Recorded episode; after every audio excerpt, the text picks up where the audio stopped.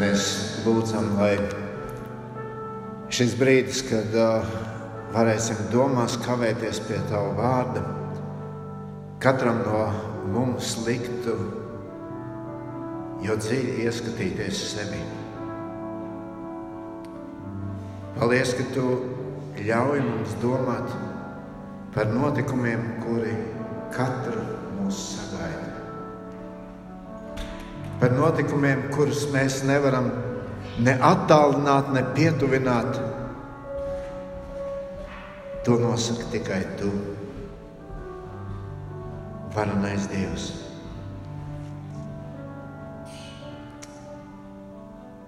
Un es lūdzu, lai katrs no mums tā patiesi varētu teikt šos vārdus, ko mēs tikko dziedājām dziesmā, ka tu, Jēzu, esi mūsu kungs un ķēniņš.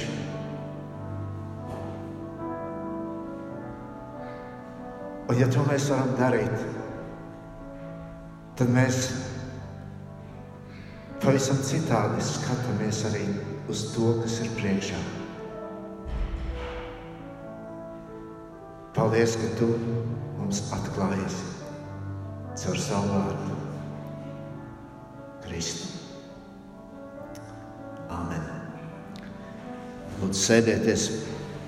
Un es aicinu, ka mēs varam atvērt jau lasīto rakstu vietu Mateja Evanģēlīja 25. nodaļā. Mēs domāsim par šiem vārdiem, ko Arvis sākumā lasīja. Un, faktiski tā jau ir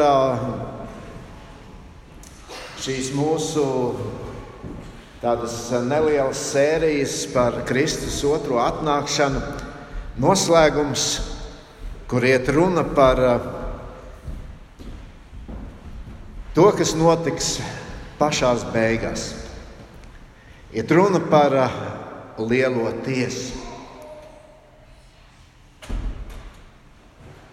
Dieva vārds skaidri pasaka, ka katram cilvēkam ir reiz būs jāstājas tiesas priekšā. Neizbēgami. Un šī tiesa būs reāla tiesa. Jēzus to šeit uh, apraksta. Jēzus saka, tiesās pēc tā, uz ko cilvēks ir eh, veidojis savu, uz ko viņš ir pamatojis, veidojis savu dzīvi. Un Jēzus vēl šeit saka, šis nu būs tiesas spriedums, kas būs galīgs. Tur nebūs nekāda iespēja šo spriedumu kaut kā pārsūdzēt. Un, mīļie draugi, to mums ir ļoti svarīgi saprast, jo mēs esam pieraduši dzīvot ar domu, nu man jau vienmēr būs otrā iespēja. Ja es nenolieku eksāmenu, es zinu, es pēc kāda laika aiziešu un samācīšos, aiziešu un šo eksāmenu nolikšu. Ja saimniecēm neizdodas izvārīt garšīgu zupu, ir iespēja to izliet un izvārīt zupu, kas ir garšīga. Un mēs varētu vēl vairāk un vairāk šādas, šādas situācijas pieminēt. Mēs pierodam. Pierodam, ka mums ir otra iespēja. Bet tas, par ko Jēzus šeit runā, šajā svētkrunā, diezgan apjomīgā svētkrunā un ļoti dramatiski notikumi attēlot šajā Jēzus teiktajā svētkrunā, viņš saka, esiet nomodā, esiet modrīgi. Esiet nomodā, esiet modrīgi. Ar to uzsverot, ir ļoti svarīgi apzināties, otras iespējas nebūs. Tiesa būs reāla. Tas būs reāls notikums pasaules vēsturē. Un atkal man jāsaka, mēs dzīvojam laikā, kad uzsvars domājot par Dievu tiek likts uz to, ka Dievs jau tevi mīl. Un tā ir taisnība. Viņam ir šī labā ziņa priekš tevis. Viņš tevi mīl. Bet šo labo ziņu mēs varam saprast tikai tad, kad mēs saprotam, es ar savu dzīvi esmu grūtā situācijā, es esmu bezizējā.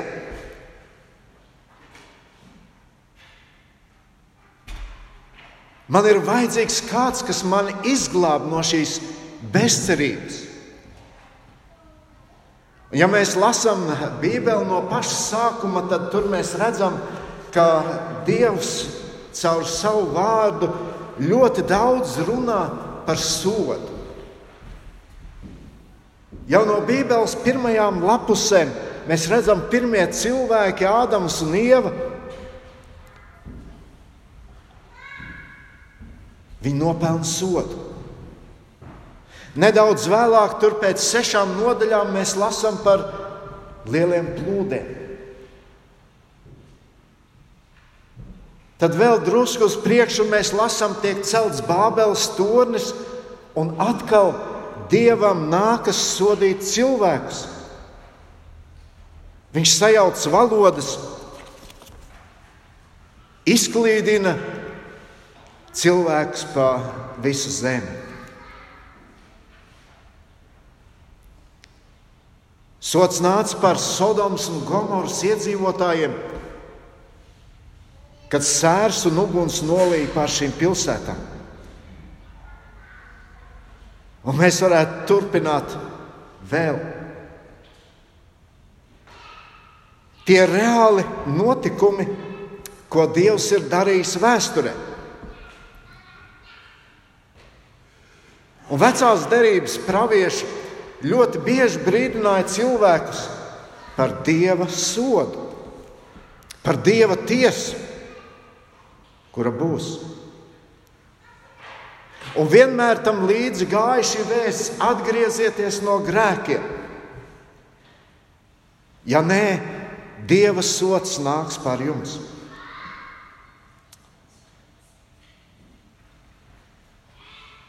Un kad mēs visu to lasām, vai mums no tā kļūst vieglāk? Liekas, ar vien lielāka grūtsirdība. Bet, ziniet, notikumi vecajā derībā atšķiras no tā, ko šeit saka Jēzus. Jēzus šeit runā, ka šī tiesa, kas būs, tā izšķirs katra cilvēka mūžību. Katra. Pēc plūdiem Tur daži cilvēki vēl palika, un atkal veidojās jaunas paudzes. Tāpat arī pēc citiem notikumiem, kaut vai Izraēla bērni, tur paudz, paudzēm bija jāiziet bojā.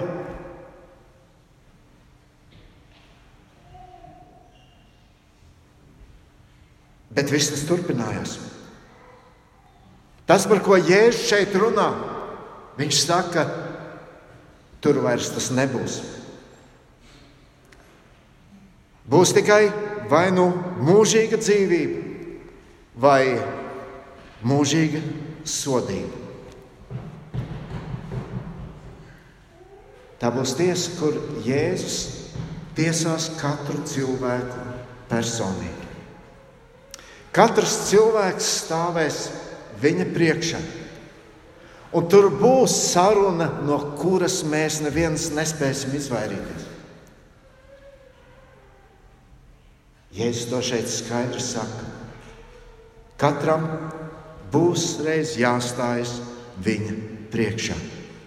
Bet, kad cilvēka dēls nāks savā godībā un visi eņģeļi līdz ar viņu, tad viņš sēdēs uz sava godības krēsla. Un visas tautas tiks sapulcētas viņa priekšā, un viņš tās šķirs, kā gans šķir avis no āžiem. Un liks avis pa savu labo roku, bet āžus pa kreiso roku. Reāla diena, reāls tiesnesis, reāls tiesas process. Bībeli saka, Dievam šī diena jau ir zināma. Mēs to nezinām.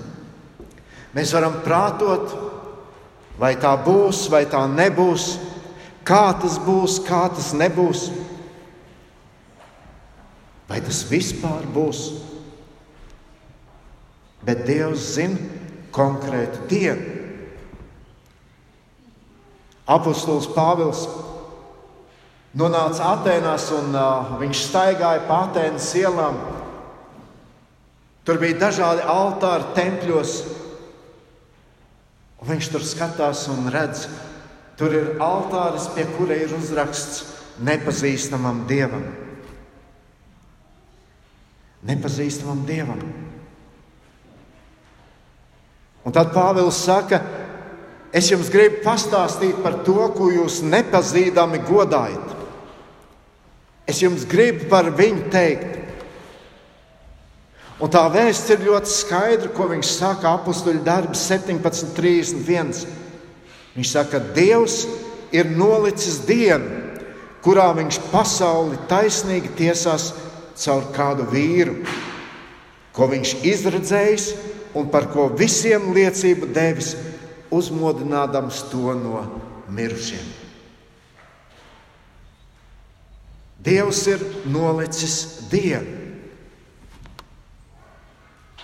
Toreiz tas, ko apustulis Pāvils šiem Atenas cilvēkiem teica, tas toreiz atstāja kādu iespaidu uz viņiem. Uz lielāko daļu no viņiem nu, viņi smējās. Viņi vienkārši nebija pieraduši tā domāt. Kādi varbūt nedaudz aizdomājās un teica, mēs kādreiz citreiz ar tevi par to labprāt vēl parunātu.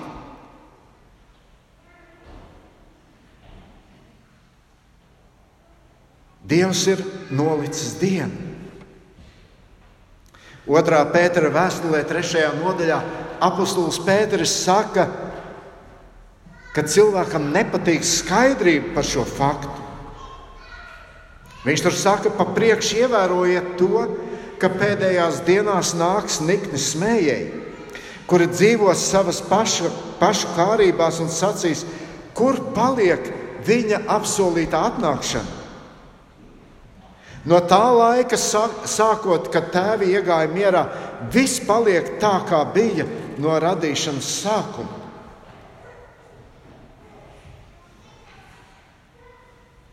Dievs ir nolicis tiesas dienu. Un te nu mēs to nevaram nekādā veidā ietekmēt. To nevar ietekmēt ne apvienotās nācijas, ne NATO. Nekas. To var ietekmēt tikai Dievs. Dieva vārds saka, ka tas būs reāls tiesnesis, kas tiesās.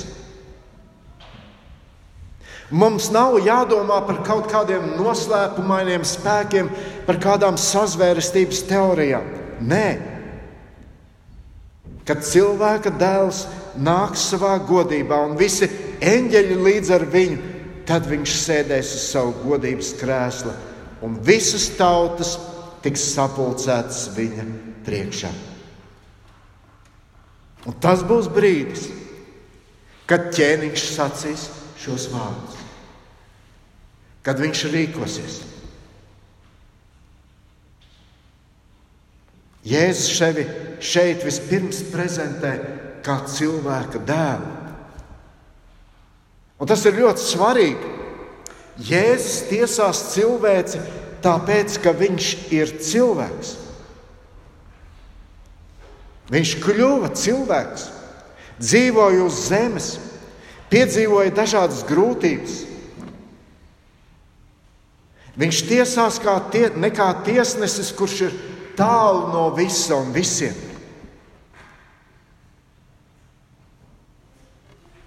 Jāņa evanģēlijā, 5. nodaļā, 22, 23 mēs lasām, jo tēvs vairs nespriež tiesu ne par vienu, bet visu tiesu ir nodevis dēlam, lai visi godātu dēlu, tāpat kā viņš godā tēvu. Kas dēlu negodā, negodā tēvu, kas viņu sūtīs. Tas ir tas, ko Jēzus jau no paša sākuma cilvēkiem saka. Dievs tiesu spriest ir nodevis man. Kāpēc viņš to saka? Lai mēs cilvēki godātu viņu. Un tur, turpat tālāk, Jāņa evanģēlijā, 27. pantā, mēs lasām, un Dievs dēlam ir devis varu turēt tiesu. Tāpēc, ka viņš ir cilvēka dēls. Un tieši par to Jēzus runā mūsu tekstā, kad cilvēka dēls nāks.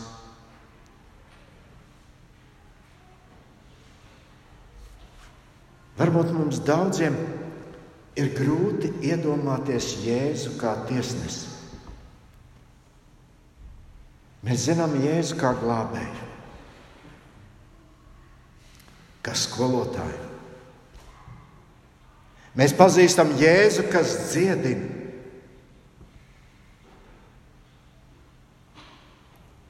Kas sludina, kas uzmodina mirušos. Jā, tādu Jēzu mēs pazīstam. Tāds Jēzus mums ir saprotams. Jēzus nāca, lai mūs glābtu tos, kas viņam tic. Bet tāpat laikā, kas netic viņam, Jēzus saka, tiem spriedums ir mūžīga pazušana. Jāņa evanģēlijas trešajā nodaļā ir teikts, jo Dievs savu dēlu nav sūtījis pasaulē, lai tas pasauli tiesātu, bet lai pasaule caur viņu tiktu glābta. Kas tic viņam, netiek tiesāts, bet kas netic, ir jau spriedumu dabūjis. Tāpēc, ka nav ticējis vienpiedzimušā dēla vārdam. Bet šī ir tā tiesa, ka gaisma ir nākusi pasaulē, bet cilvēkiem tumsa ir bijusi mīļāka par gaismu, tāpēc, ka viņu darbi bija ļauni. Redziet, Jēzus atnākšana būs glābšana tiem, kas tic pazušana tiem, kas netic. Un šodien šis Dieva vārds ir kā tāds jaudīgs prožektors, kurš iespīd mūsu dzīvēm. Tur nav iespējams neko noslēpt. Jēzus par sevi saka, Jāņa 12. nodaļā, es gaisma esmu nācis pasaulē, lai neviens, kas man tic, nepaliktu tumsībā. Un ja kāds manus vārdus dzird un neievēro, es to netiesāju. Jo es neesmu nācis pasauli tiesāt, bet atpestīt. Kas mani nievā un nepieņem manus vārdus, tam jau ir savs tiesas spriedējs, mans vārds, ko esmu runājis spriedīs par viņu tiesu pastrā dienā. Jēzus ne tikai glābj, Jēzus ne tikai dziedina, Jēzus ne tikai uzmodina mirušos, Jēzus ne tikai mirst par mums Golgātā un trešā dienā augšām ceļās. Jēzus arī tiesās. Un, mīļie draugi, tas, ko mēs šeit lasām, šajā tekstā, ko mēs pārdomājam, mēs redzam, ka tas būs reāls tiesas process. Jā, gan tas nebūs tiesas process ar tiesas debatēm, ar advokātu uzstāšanās, ar liecinieku noklausīšanos. Nē, Dievam viss ir skaidrs. Dieva vārds saka, visi tiks sadalīti.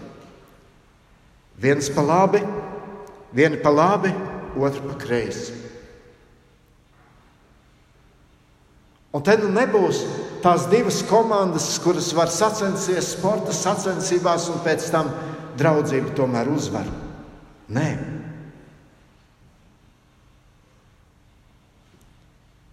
Viena ienāks mūžīgā dzīvībā, otra mūžīgā sodībā. Dievvvārds saka, viņš šķirs avis no āžiem.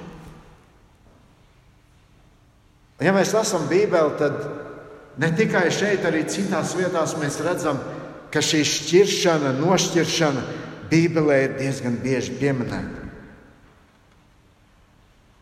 Kad Jānis Kristītājs runā par Jēzus lomu, kad viņš nāca kristīties, viņš skaidri saka par Kristu. Tam vēteklis, vēteklis rokā, un viņš tīrīs savu klonu, un viņš sakrās savus kviešus klētī, bet pelavas sadedzinās ar neizdzēšamu uguni. Un to par Kristu saka pirms vēl viņš ir uzsācis savu kalpošanu.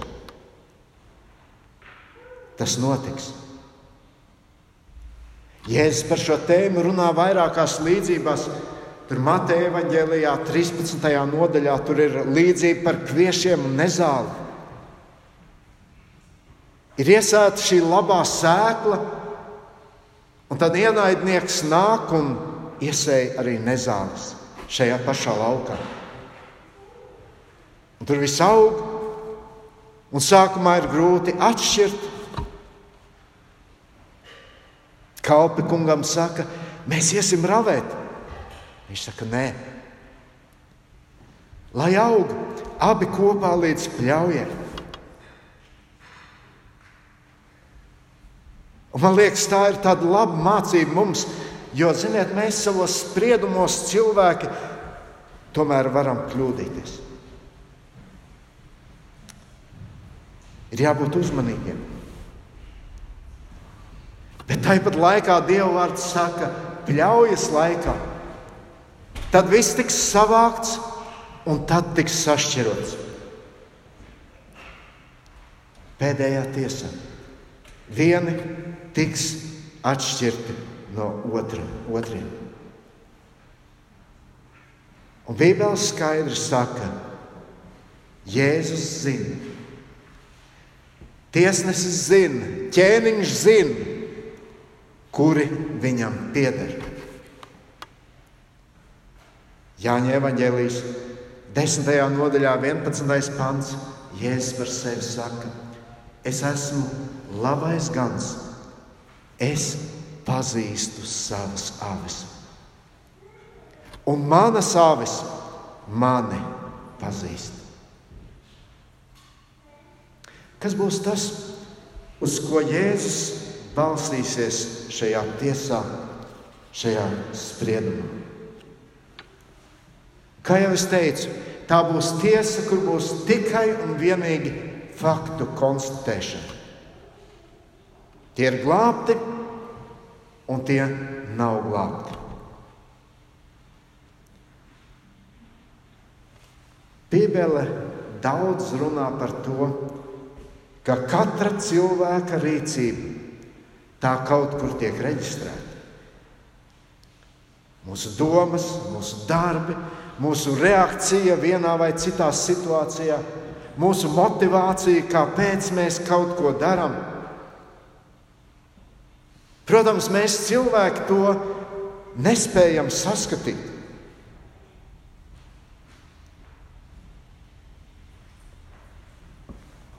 Kaut kas līdzīgs varbūt ir lidmašīnu melnās kastes, kuras pēc tam tiek analizētas un pētīts, kāpēc ir kāda katastrofa notikusi. Dievs visu reģistrē.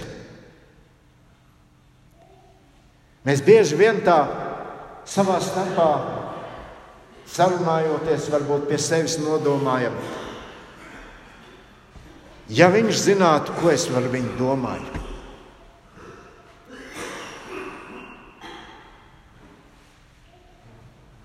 To ir ļoti grūti saprast.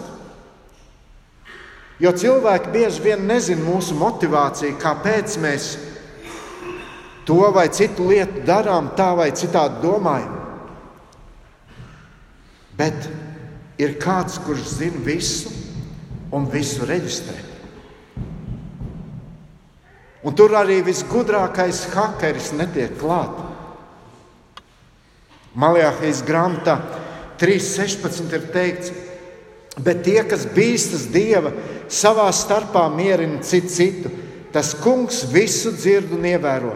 Un viņa priekšā ir rakstīts, rakstīta piemiņas grāmata tiem, kas to kungu bīstas un domā par viņa vārdu. Toreiz cilvēki domāja, ka viss tiek rakstīts uz kaut kādiem tīstokļiem, Šodien mēs varbūt domājam, ka viss tiek ierakstīts kaut kādos cietos diskos vai serveros, bet droši vien neviens ne otrs. Jo, ziniet, Dievam noteikti ir vispilnīgākā un drošākā datu glabāšanas sistēma.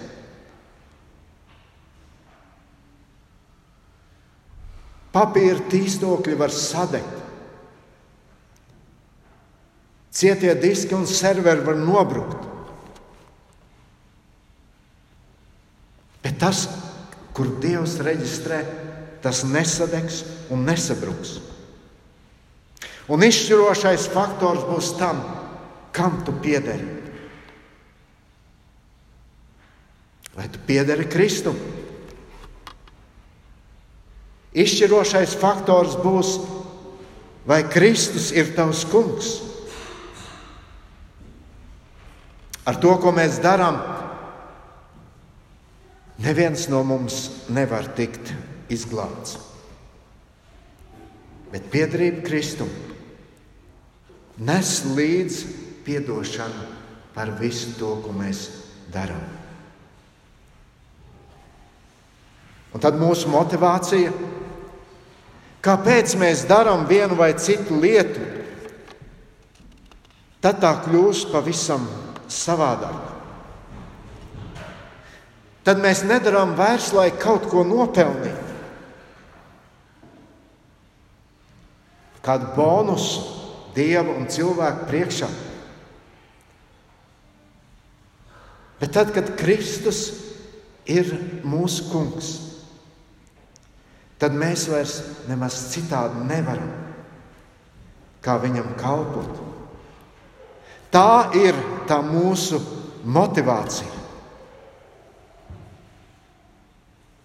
Kā mēs šodien kādā dziesmā dziedo, dziedājām, lietotu mani, lai visi redz tevi. Jēzus teica Nikodēmam, patiesi, patiesi es tev saku, ja kāds ne, neatzimst ūdenī un garā, netikt tam Dieva valstībā. Nav citas iespējas. Ir jāpiedzimst no augšas. Tas izmaina tavu motivāciju dzīvot, kalpot, darboties. Apostols Pāvils vēstulē romiešiem 8,9 saka to pašu. Ja kādam nav Kristus gara, tas nepieder viņam. Tas vienmēr kalpos sev pašam, savam labumam, nevis Kristum. Jēzus diezgan bieži tos, kas pieder viņam un seko viņam, sauc par savām avīm. Es tā domāju, kāpēc Kristus nu, nevarēja izvēlēties kādus citus vārdus? Avis, āži. Bet, ziniet, cilvēkiem tajā laikā tas bija tik saprotami, jo lopkopība bija izplatīta. Viņi zināja, kāds raksturs ir aitām un kāds ir āžiem. Aitas bija pakļāvīgas, paklausīgākas ganiem. Ja arī varbūt kādā brīdī viņas aizrāvās ar kādu uh, sulīgu barību, ko viņas baudīja, ganam atlika tikai viņas pasaukt, un viņas nāca. Āži bija stūrgalvīgi. Ganiem viņi sagalāja ļoti daudz problēmu. Bībeli saka, pēc viņu augļiem pazīs. Avis pakļaujas ganam, klausa viņam, seko viņam. Un Jēzus runājot par pēdējo tiesu, akcentē kādu lietu šeit - kalpošanu viņam. Ziniet, piederība Kristum nenozīmē tikai gaidīt, ka Jēzus piepildīs mūsu vēlmes, mūsu vajadzības. Mēs šeit lasījām, tad ķēniņš sacīs tiem, kas pa labo roku nāciet šurp, jūs mana tēva svētītie, iemantojiet valstību, kas jums ir sataisīta no pasaules iesākuma. Un paskatieties tālāk, jo es biju izsalcis, un jūs esat mani paēdinājuši. Es biju izslāpis, un jūs esat mani dzirdinājuši. Es biju svešinieks, un jūs esat mani uzņēmuši. Es biju pliks, un jūs esat mani apģērbuši. Es biju slims, un jūs esat mani apmeklējuši. Es biju cietumā, un jūs esat nākuši pie manis. Cik daudz te ir šis es biju, un jūs to darījāt? Te iet runa par mūsu attieksmi pret Kristu. Jēzus saka, nāciet šurp, iemantojiet valstību, kas jums ir sataisīta no pasaules ienākuma, iesākuma. Jūsu motivācija, kāpēc jūs sekojat man, ir tā pareizā. Jūs man kalpojat. Es nebiju jums vienaldzīgs. Jūs dzīvojāt ar manām interesēm. Ne jau tāpēc, ka jūs kaut ko darījāt priekš manis, bet darījāt to paklausot man. Tāpēc, ka jūs vienkārši nevarējāt rīkoties citādāk, ja jūs esat mani. Mateja 10,39. Jēzus saka, kas savu dzīvību manto, tas to zaudēs, bet kas savu dzīvību zaudē manas dēļ, tas to iemantos. Ziniet, kad es par visu to domāju, tad faktiski jau ir tā, ka mēs visi ar to cīnāmies. Jo tie mūsu ieguvumi, tie stāv pret Kristu. Un tik bieži liekas, ka tas, kas man ir svarīgs, tas ir tik nozīmīgs un tik neatliekams.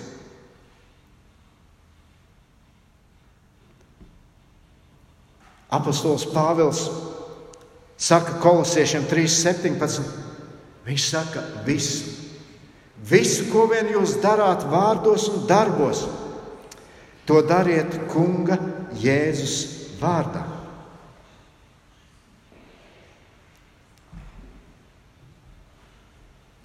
Kā būtu? Kā būtu, lai mēs tomēr nekļūdītos šajā dzīvē?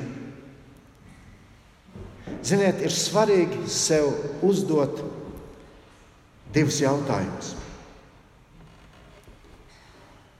Tas viens jautājums ir, vai tavā dzīvē ir kaut kas, ko tu dari tikai tāpēc, ka Kristus tā ir teicis? Padomā, mēģini ieraudzīt kaut vienu lietu, lai arī kā man tas nepatiktu. Kristus tā ir teicis, un tāpēc es to tā daru. Ziniet, mūsu dzīvē jau ir daudz labas lietas, ko mēs darām. Bet mēs tās darām citu iemeslu dēļ. Ne jau tāpēc, lai pakļautos Kristum.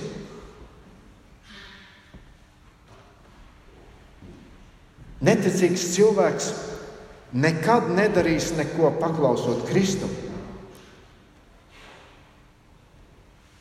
Viņš to darīs sevis dēļ. Vai ir kaut kas, ko es daru, nevis lai labi izskatītos cilvēku acīs, nevis aiz, nevis domājot, nu, varbūt tas kaut kāds bonusiņš, ko Dievs jau atcerēsies. Vai ir kaut kas, ko es daru, nevis aiz bailēm no elles, bet viena iemesla dēļ. Es to daru tāpēc, ka Kristus ir mans kungs. Mīļie draugi, ja jūs neko tādu neatrodat savā dzīvē, tad man šodien ir jāsaka, tu esi bīstamā situācijā. Jo Jēzus šeit, runājot par pēdējo tiesu, mūs par to brīdina. Un otrs jautājums. Vai mana dzīve priekš Kristus progresē? Nu, labi, varbūt es ar grūtībām vienu lietu atrodu. Un tad vēl varbūt man ir šaubas mācīt. Bet ir svarīgi, lai tas, ko mēs darām priekš Kristus, lai tas iet vairumā. Kristus šeit uzskaita dažādas sfēras. Jūs darījāt to, to, to, to un to. Un tas viss ir saistīts Kalpošana Kristum ar kalpošanu cilvēkiem un īpaši, īpaši Dievu bērniem. Mēs lasījām šeit 40. pantā, tad ķēniņš tiem atbildēs un sacīs: Patiesi es jums saku, ko jūs esat darījuši vienam no šiem maniem vismazākajiem brāļiem, to jūs esat man darījuši.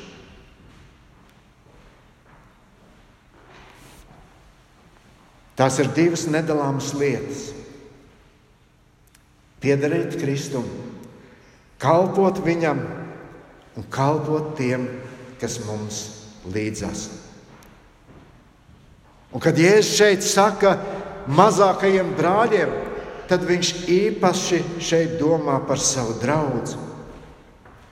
Viņš domā par cilvēkiem, kuri ir nākuši pie viņa, par saviem. Un kādā citā vietā Jēzus saka, no tā jūs pazīsiet, ka jūs esat mani mācekļi, ka jūs mī, mīlat viens otru,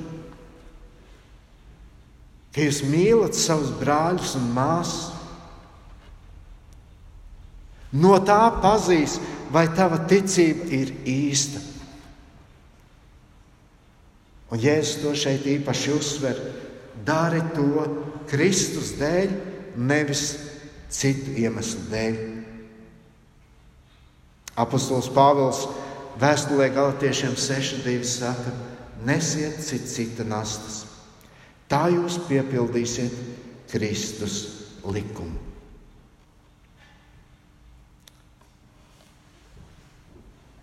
Tiesa būs, reāla tiesa, reāls tiesnesis un reāls tiesas process. Lai Dievs palīdz katram no mums būt tam gataviem. Un tas sevi ietver. Es atzīstu, Kristus ir mans dzīves kungs. Un nepasakām to tikai vārdos. Bet es to pasaku, kalpojot viņam. Visu darot, mana motivācija ir, es ar to kalpoju Kristum un kalpojot cilvēkiem. Lai Dievs mūs visus svētī par šo lietu domājot. Lūksim Dievu! Paldies, Tev, debesu Tēvs, par uh, šo bagātīgo vielu, ko varam pārdomāt. Paldies, ka Tavs vārds runā skaidri, neaplinkus. Un skaidri pasaka, ka mēs visi stāvēsim Tavā priekšā. Bez izņēmuma. Un paldies, ka Tu mums šodien vēl ļauj izvērtēt savu dzīvi. Ka šodien mums vēl ir varbūt otrā, trešā, ceturtā un piektā izvēle. Paldies, ka tu mums atgādini, ka mēs katrs tuvojamies brīdim,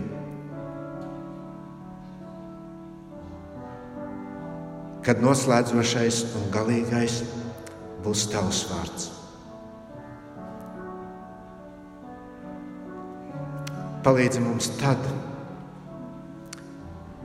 sadzirdēt to, ko mēs tik ļoti vēlamies dzirdēt.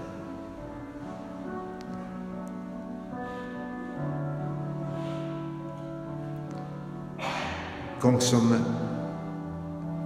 es ļoti lūdzu, lai tas, ko mēs šajā brīdī varbūt aizdomājamies, lai tas nav tikai šis brīdis, bet lai mēs arī šī brīdī pieņemam to lēmumu, pakļauties tev, ļaut tev veidot mūsu dzīvi,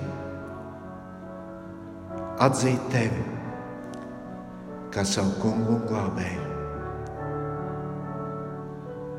Un tad jau Dievs, mēs varam iet pretī šim brīdim zinot, ka no tevis mēs dzirdēsim to, ko mēs tik ļoti gribam dzirdēt. Palīdz mums uz to.